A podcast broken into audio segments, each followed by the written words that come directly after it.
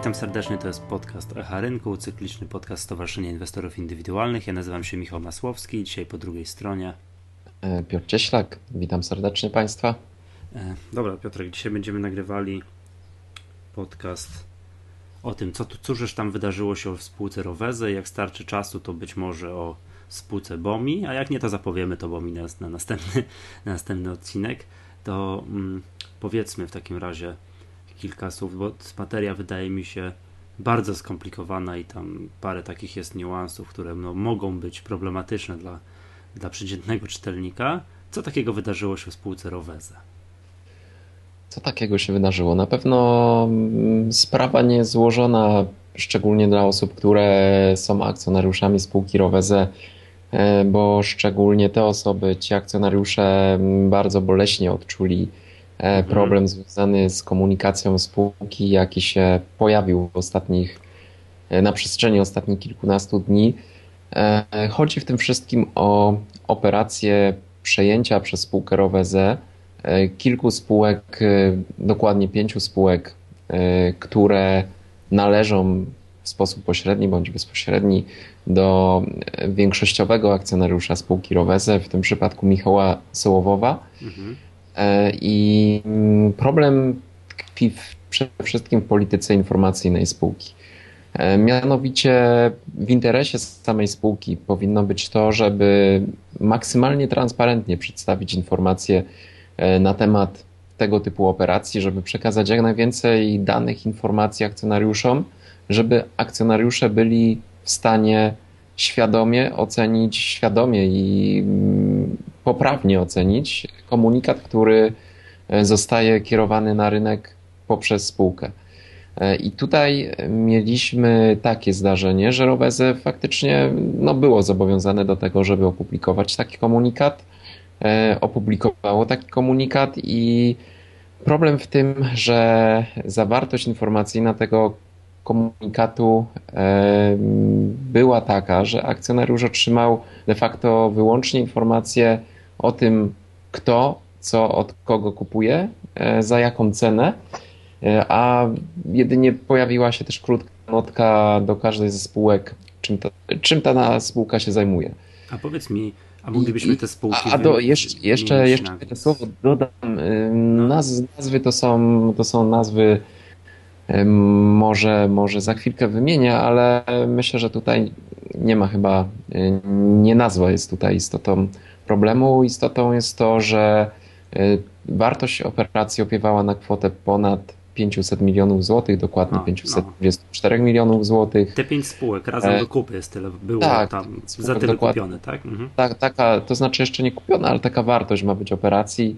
E, czy spółka będzie w stanie dokonać tej operacji, to jest uzależnione przede wszystkim od tego, czy uda się przegłosować na najbliższym walnym zgromadzeniu stosowną emisję e, z zachowaniem praw poboru dla dotychczasowych akcjonariuszy Y, niemniej ta wartość 524 milionów złotych stanowi mniej więcej równowartość około 33% kapitałów własnych grupy Roweze.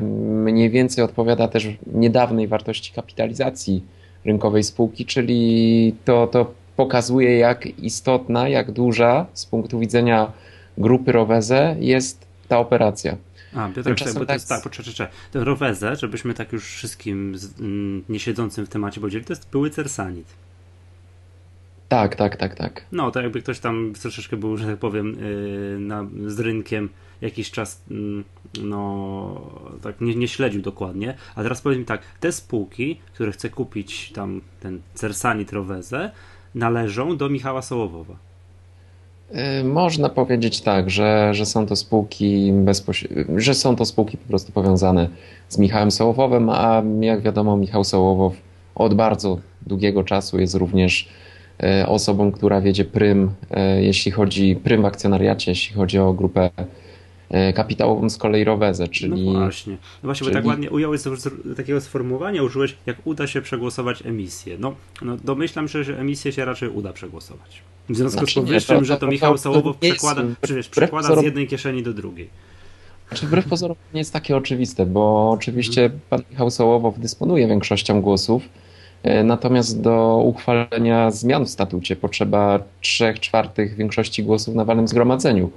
No. Więc to, to, że powiedzmy główny akcjonariusz ma, ma tą większość głosów, nie oznacza jeszcze, że e, przy sprzeciwie powiedzmy funduszy inwestycyjnych e, nie uda się zablokować takiej emisji.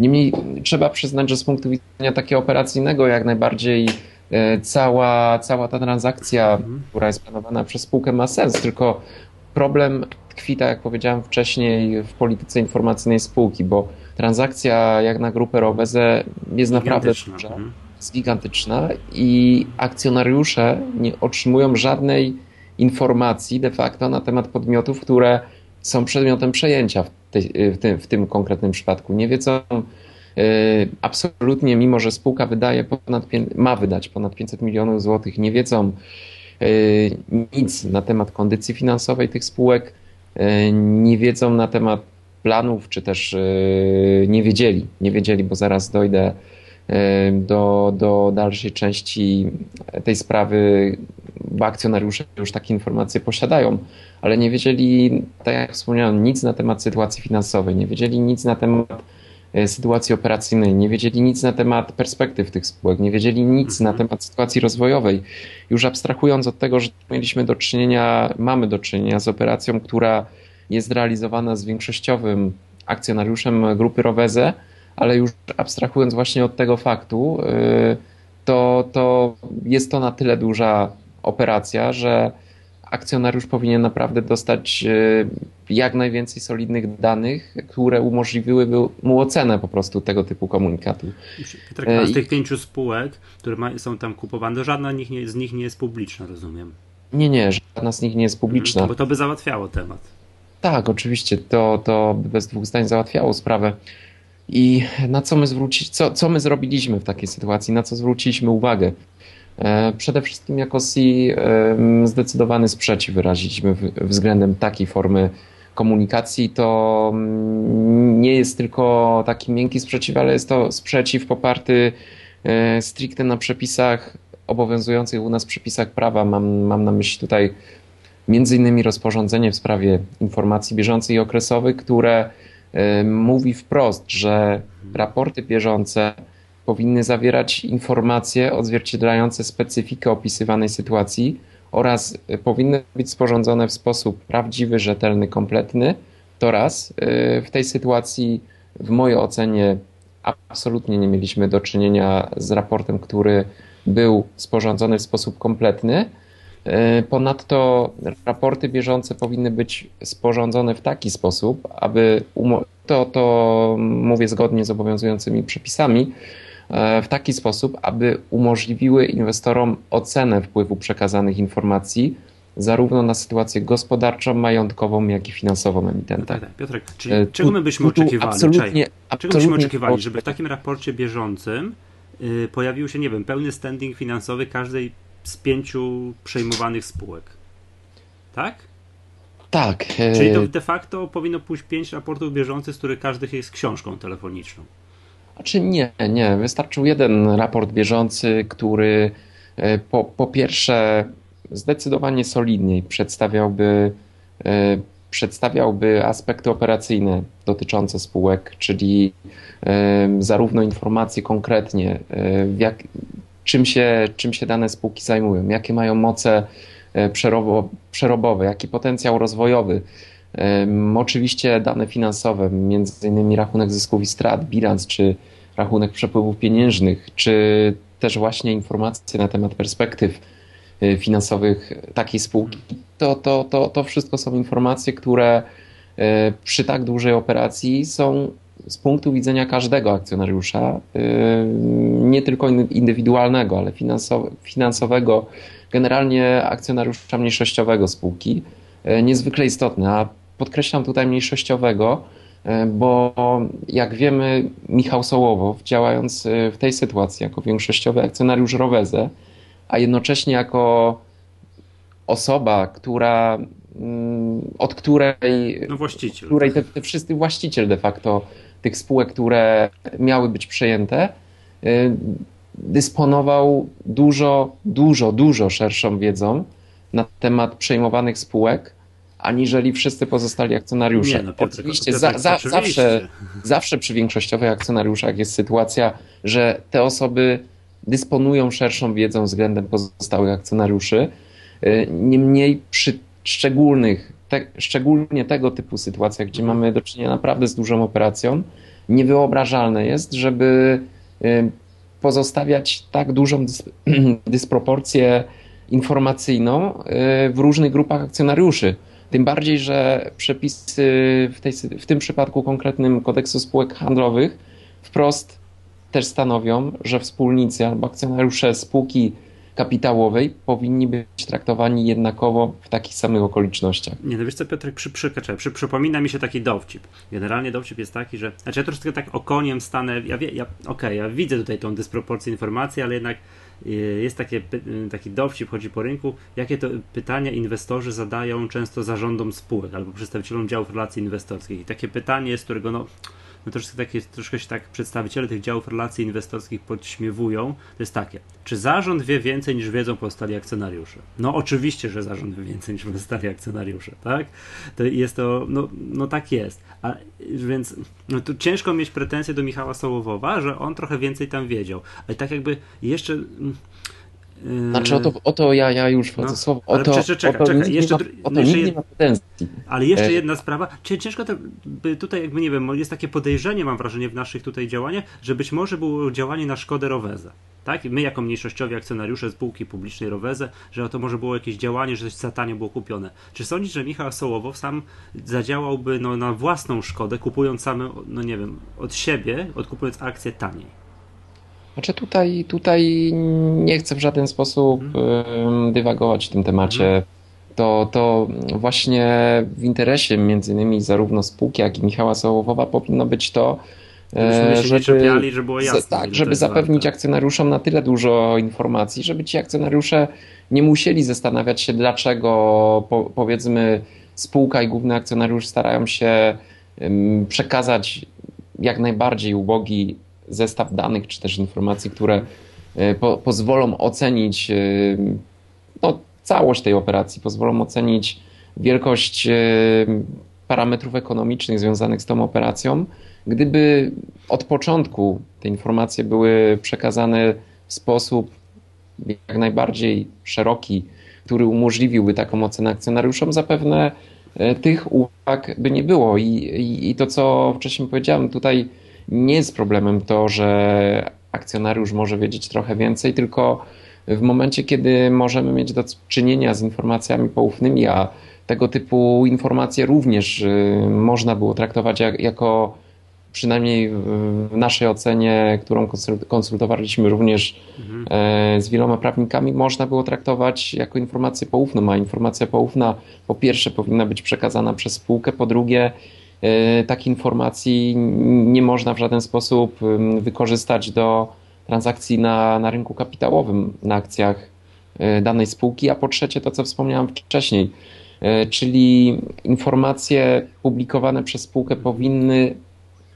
być przekazane w taki sposób i powinny zawierać takie dane, aby pozwalały każdemu akcjonariuszowi na ocenę z, z wpływu tej transakcji czy też tej operacji zarówno na sytuację gospodarczą, majątkową, ale także finansową emitenta. Dobrze, Piotr, tak powiedz mi taką... tu, tu, nie było takiej możliwości. A, bo na rynku kapitałowym generalnie dochodzi czas, na jakiś czas do jakiegoś dużego przejęcia. Czy pozostałe spółki, które no tam czasami sobie przejmą jakiegoś konkurenta czy inną dużą spółkę na, z rynku, publikują takie w innych przypadkach, których powiedziałbym, my się nie czepialiśmy, publikują faktycznie takie no, dosyć obszerne dane finansowe tej przejmowanej spółki?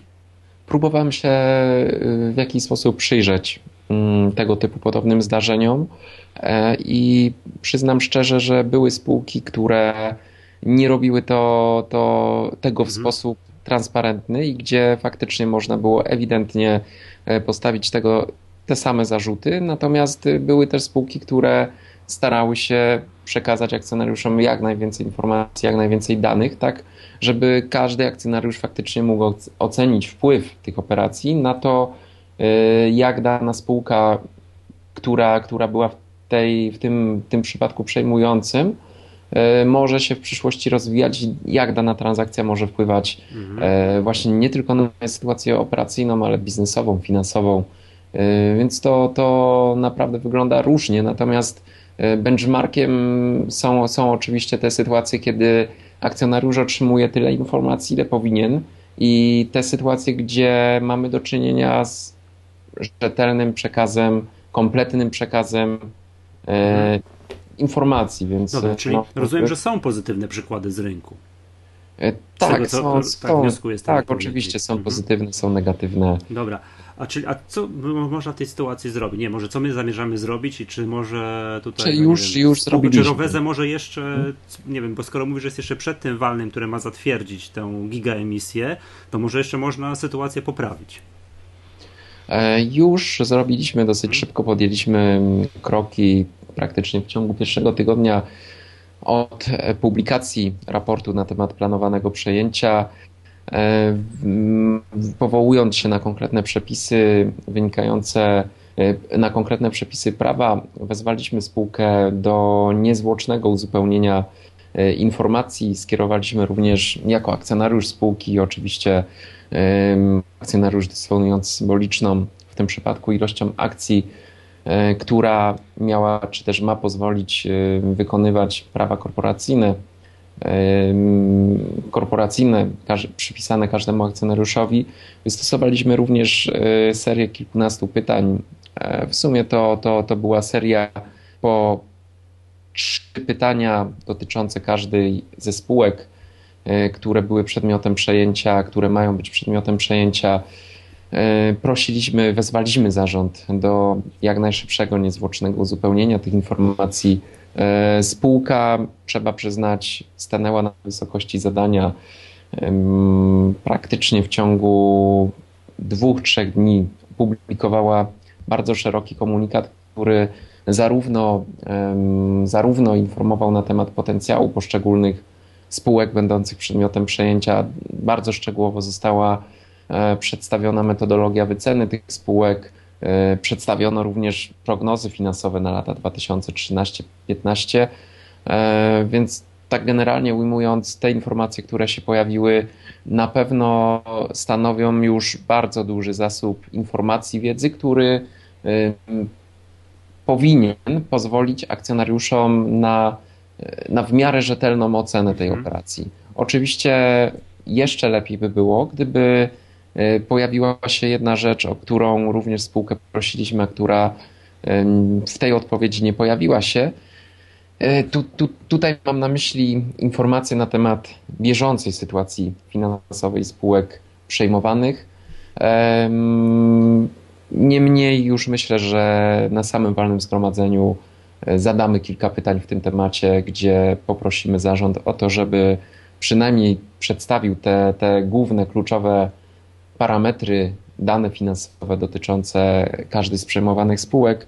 Mm, myślę, że to jest istotne, a mhm. istotne przede wszystkim dlatego, że daje, o ile prognozy niezwykle cenne są, zawsze wiadomo obarczone y, jak, jak w każdej rekomendacji czy w każdym modelu prognostycznym y, określonym sporym ryzykiem błędu, natomiast y, zawsze, zawsze warto mieć pewnego rodzaju odniesienie do tych prognoz, a tym odniesieniem e, właśnie powinna być sytuacja bieżąca tych spółek e, i, i z tego też powodu będziemy chcieli przynajmniej poznać te najważniejsze kluczowe parametry związane z tą operacją podczas walnego zgromadzenia. No tak, to zawsze jest generalnie problem z oceną spółek, które nie są publiczne prawda? No bo jak jest spółka publiczna, to zasadniczo problem znika. Chociażby jest, pierwsze jest wycena giełdowa, po drugie jest jakaś tam historia raportów kwartalnych, raportów rocznych.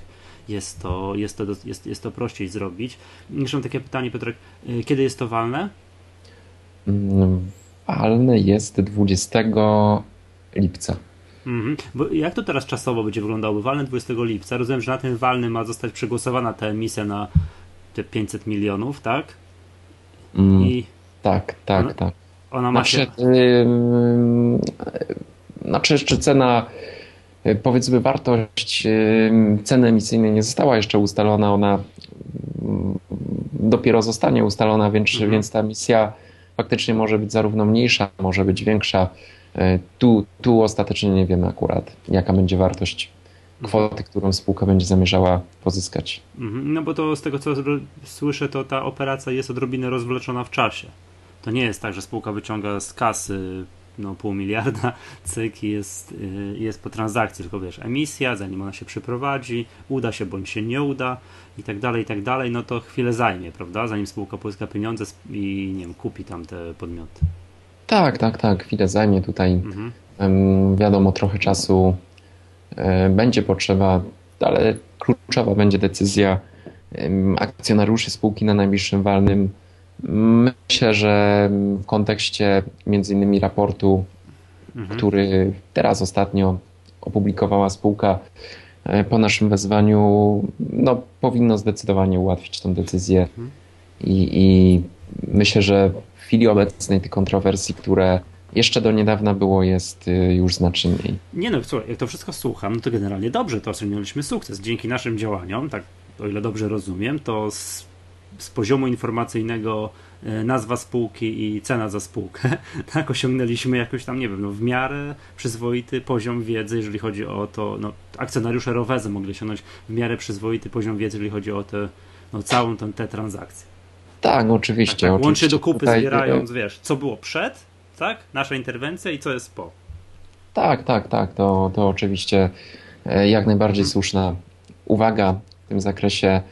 E, ale najważniejsze jest to, że w tym wszystkim akcjonariusze otrzymali to, to czego w tej konkretnej sytuacji potrzebowali, czyli zdecydowanie bardziej kompletne, e, kompletny przekaz, który, jak wspomniałem wcześniej, pozwala na podjęcie dużo bardziej racjonalnej decyzji e, inwestycyjnej, ale także podczas walnego zgromadzenia, mhm. aniżeli jeszcze to, to kilkanaście dni temu. Dobra. Piotrek, patrzę znowu na tak tutaj kątem oka na czas nagrania i znowu będę tutaj tradycyjnie sugerował przełożenie tematu kolejnego, czyli tematu spółki BOMI na, na kolejne nagranie. Dobra? A dzisiaj proponuję już, już zakończyć. Jeszcze tylko chciałbym dodać, że tutaj kilka takich rzeczy, że ten case Roveza jest opisany na naszej stronie, czyli w zakładce interwencja i potem bieżące interwencje jest poświęcone temu cały jeden e, akapit, więc kto tam, kto jest akcjonariuszem Roweza, to bardzo serdecznie zapraszamy do, do przejrzenia, jak się ta sprawa, jak się ta sprawa toczyła. No i tyle, tak? Trzeba śledzić na naszą stronę, żeby w szczególności bieżące interwencje, żeby wiedzieć, co w jakich, jakich no, sprawach SI interweniuje, gdzie zadaje ciężkie pytania, na jakie walne jeździ i tak dalej. Jeszcze tak, Piotrek, wiem, że widzę, że strasznie niewyspany jesteś. Wiem, że jeździcie na dużo walnych. Jeździmy. E, jest tych walnych było kilkadziesiąt mhm. w ostatnim miesiącu. E, sezon, można powiedzieć, że ten szczyt, który przypadał na koniec czerwca, e, dobiegł końcowi. W tym momencie już będą raczej mhm. walne, które będziemy pojawiać się w kolejnych miesiącach na tych walnych, gdzie będą pojawiały się jakieś sytuacje konfliktowe, problemowe natomiast jeśli chodzi o sezon walnych, to pojawialiśmy się tam, gdzie e, zarówno były, czy też zdarzały się mm, swego czasu, bądź e, w danym bieżącym momencie sytuacje konfliktowe, ale pojawialiśmy się również po to, żeby merytorycznie porozmawiać, zadać pytanie, również kierowane do nas czasami przez członków stricte biznesowe, merytoryczne, żeby zobaczyć, w jaki mhm. sposób spółka chce rozmawiać z akcjonariuszami, e, w jaki sposób traktuje akcjonariuszy. Jakie jest twoje ogólne, twoje ogólne wrażenie?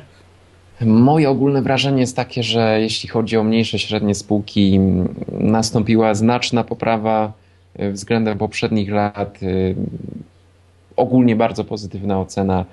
Natomiast jeśli chodzi o duże spółki, szczególnie te z WIG-u 20, będzie chyba bardzo wiele do zrobienia, bo, bo ta transparentność tych spółek po, po tej próbce e, całkiem dużej, mm. którą zbadaliśmy w tym roku, jest niewspółmiernie niższa aniżeli e, w spółkach średnich czy też mniejszych. Ale myślę, że to będzie ciekawy temat na osobne nagranie być może jedno z kolejnych, kolejnych naszych spotkań. Tak, tak, tak. I osta ostatnie pytanie a propos tych walnych. Dużo akcjonariuszy indywidualnych, takich inwestorów indywidualnych przyjeżdża na walne? Tu można powiedzieć, że też zanotowaliśmy chyba pewną poprawę. To, to też oczywiście zależy od rodzaju spółki, ale było kilka spółek, gdzie tych akcjonariuszy faktycznie było co najmniej kilku e, i co, co ważne i co istotne w tym przypadku, to również to, że jeśli już ten akcjonariusz mniejszościowy pojawi się na walnym, to e, widać, że próbuje poruszać problemy dotyczące spółki, próbuje e, zadawać zarządowi pytania, więc pozytywne jest to, że nie samo pojawienie się na walnym, ale także e, czynne, czynne uczestnictwo w tym walnym obserwujemy tam, gdzie, gdzie pojawia się akcjonariusz mniejszościowy, czy indywidu, może nie mniejszościowy, indywidualny. E, podkreśliłem tutaj, że nie mniejszościowy, bo to różnie bywa. Finansowi też są nierzadko akcjonariuszami mniejszościowymi, a będąc w tym roku na kilkudziesięciu walnych zgromadzeniach, ani razu nie spotkałem się z sytuacją, gdzie akcjonariusz finansowy wstałby podczas obrad i skierował do zarządu jakiekolwiek pytanie. Ale jakby to rzec, mam, mam wrażenie, że to jest właśnie problem w pewnym sensie nierównego dostępu do informacji, bo y, nie sposób nie odnieść wrażenia, że y, akcjonariusze, mhm. więksi akcjonariusze finansowi mają zdecydowanie bardziej ułatwiony dostęp do tego, żeby spotkać się ze spółką, spotkać się z zarządem, e, porozmawiać w miarę na bieżąco na temat problemów, z którymi boryka się spółka, natomiast akcjonariusz mniejszościowy w zależności od tego, w jaki sposób spółka się komunikuje, ma albo okazję spotkać się w trakcie roku, czasami na bezpośrednich spotkaniach organizowanych przez y, spółki, albo podczas wal, y, obrad walnego zgromadzenia. Poza tym można rzec, że... Piotrek, że... Piotrek, no generalnie tak jest. Po każdym wynikach kwartalnych spółki albo po każdym dosyć często robią takie cudo, co się nazywa roadshow. Czyli co robią? No spotykają się z tymi inwestorami yy, instytucjonalnymi, z przedstawicielami funduszy. Co większe spółki, które mają zagranicznych inwestorów, gdzieś tam latają do Londynu, do Stanów, spotykając się tam z tamtejszymi inwestorami. Także przedstawiciel funduszu, który ma 5% akcji danej spółki, on generalnie no, ma prawo, pełne prawo żądać i spółka nie odmawia mu czegoś takiego jak indywidualne spotkanie z członkami zarządu, z prezesem i tak dalej. No teraz wyobraź sobie, że inwestor nie... indywidualny, który ma akcję za 3200 zł, że on zażąda spotkania z prezesem. No, no domyślasz się, że to może być problem. który ma 5% też nie ma prawa, żeby... Też nie, nie, nie ma prawa, oczywiście, że nie ma prawa. Akcjonariusz po prostu może prosić o, o chęć spotkania, czy też próbę rozmowy z zarządem, to, czy, czy innymi osobami, być może ze spółki, niekoniecznie zarządem, które byłyby w stanie podyskutować merytorycznie na temat e, sytuacji spółki, natomiast to zarząd ma tak naprawdę prawo wyboru, e, z kim chce rozmawiać, a z kim nie chce rozmawiać, z kim nie chce prowadzić rozmowy. Spółki transparentne nie mają problemu z tym, żeby rozmawiać z każdym akcjonariuszem, niezależnie od tego, jaki jest poziom czy też zasobność e, portfela tego akcjonariusza. Natomiast same spółki, jeśli chciałyby być fair względem rynku, względem każdego swojego akcjonariusza, a nie tylko akcjonariusza, który dysponuje większym portfelem, organizowałyby spotkania tak jak organizują, powiedzmy, dedykowane mhm. analitykom, ale dałyby możliwość, żeby na takie spotkania przychodził każdy akcjonariusz spółki, który jest zainteresowany dyskusją, czy też e, rozmową na temat czy wyników kwartalnych, e, mam na myśli prezentacje, czy roadshowy, o których mówiłeś przed chwilą po, po wynikach kwartalnych i wówczas mielibyśmy do czynienia faktycznie z otwartą spółką, a nie spółką otwartą na określoną grupę akcjonariuszy. I no, jest to pewnego rodzaju smutny, przykry obraz naszego rynku, który, który no, nie powinien mieć miejsca. E, są spółki, w przypadku których nie ma miejsca, a są niestety spółki, a te spółki są w większości, gdzie e, niestety bezsprzecznie preferują prawo do, do, do rozmów na rzecz właśnie tych akcjonariuszy, którzy e, mają portfel o wielkości wielokrotnie wyższej niż e, akcjonariusze ci indywidualni.